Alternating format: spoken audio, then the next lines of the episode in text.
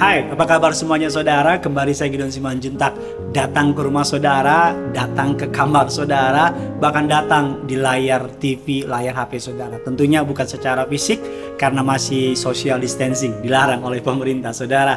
Tapi saya datang dalam keadaan atau dalam mode digital untuk membagikan kabar baik membagikan sukacita, membagikan cerita mengenai pengharapan di zaman yang serba tidak berpengharapan ini. Sebelum kita masuk lebih dalam, mari sama-sama kita tundukkan kepala, kita mau bersatu di dalam doa. Bapak yang baik, Bapak yang kami sembah dalam nama anakmu yang kami kasihi, yaitu Yesus Kristus Tuhan. Kami berterima kasih kembali Tuhan berikan kami kesempatan untuk beribadah sebelum kami memulai apa pun aktivitas kami sepanjang hari ini.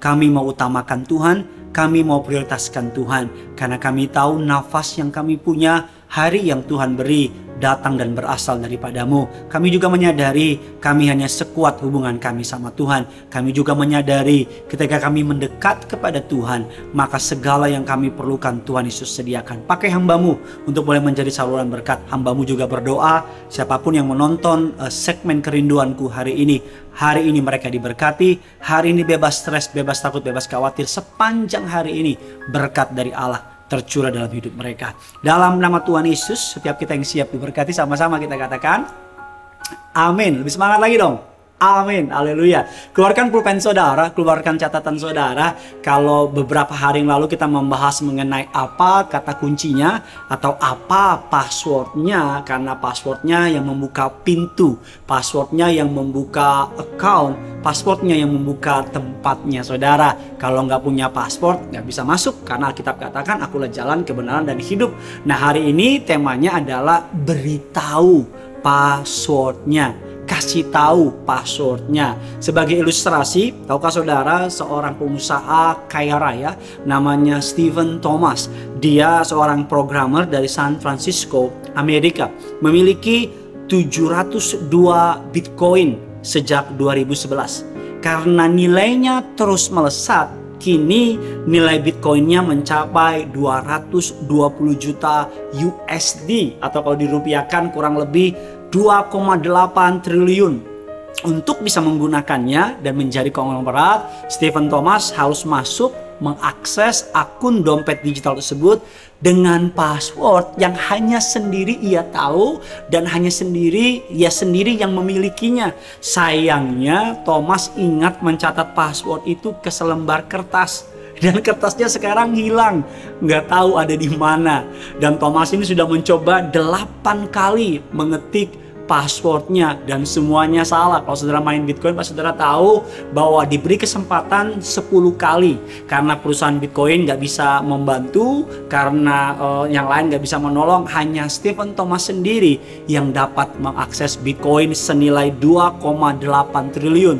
Masih ada dua kali percobaan, tapi Thomas masih belum berani mencobanya karena Thomas takut kehilangan 2,8 triliun.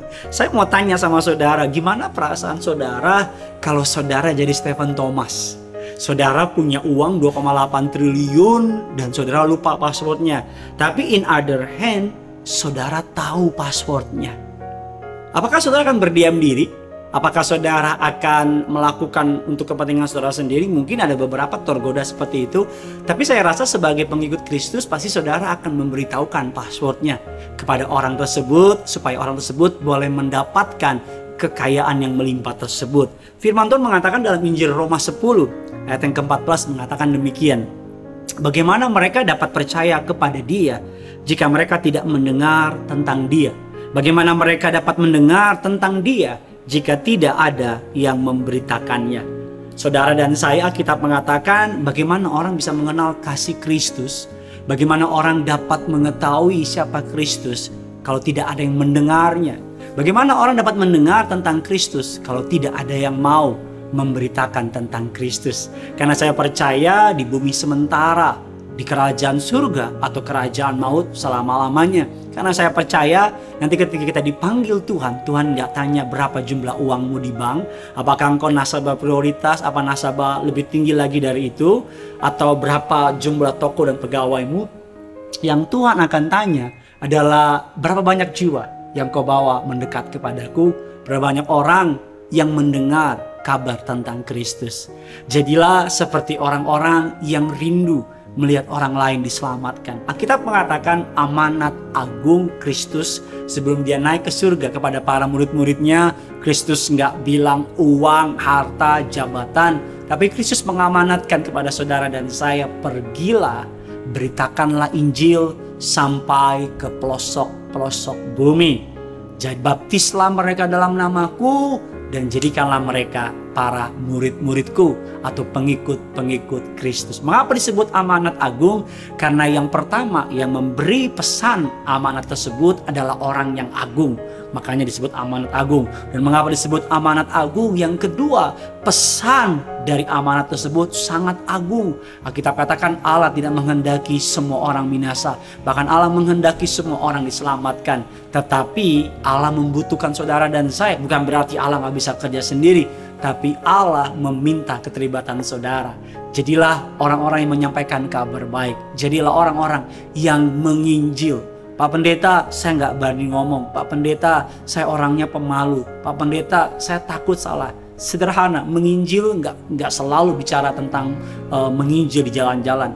Dengan contoh hidupmu yang bertobat, dengan hidupmu yang lahir baru, dengan kata-katamu yang membawa berkat, bagi saya sudah menginjil. Bahkan mungkin saudara satu-satunya Alkitab yang orang lain lihat karena hidup saudara menjadi contoh. Atau bahkan mungkin saudara satu-satunya orang Kristen yang mereka dapat lihat.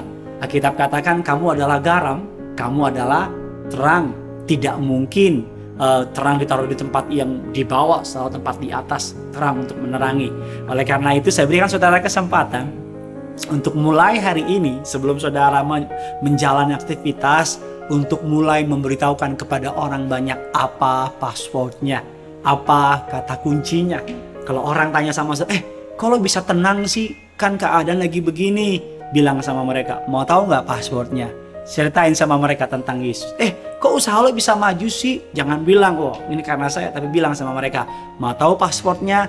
Ceritakan tentang Yesus. Dan jangan lupa komen di bawah sini berapa banyak orang yang saudara sudah beritakan tentang Yesus. Atau mungkin cerita bagaimana engkau mengenal Kristus. Karena mama saya pun juga bukan orang percaya. Tapi ada orang-orang yang menginjili mama saya. Dan mama saya atas perjumpaan dengan Kristus menerima Yesus. Mama saya menerima Yesus enam anaknya jadi pengikut Kristus. Jadi jangan pandang remeh berapapun jiwanya, berapapun orangnya, siapa pun mereka, mereka berharga di hadapan Allah. Bagikan kabar baik ini, sama-sama kita menjadi penjala manusia, membawa kabar baik bagi dunia ini. Kristus Yesus mengasihi mereka.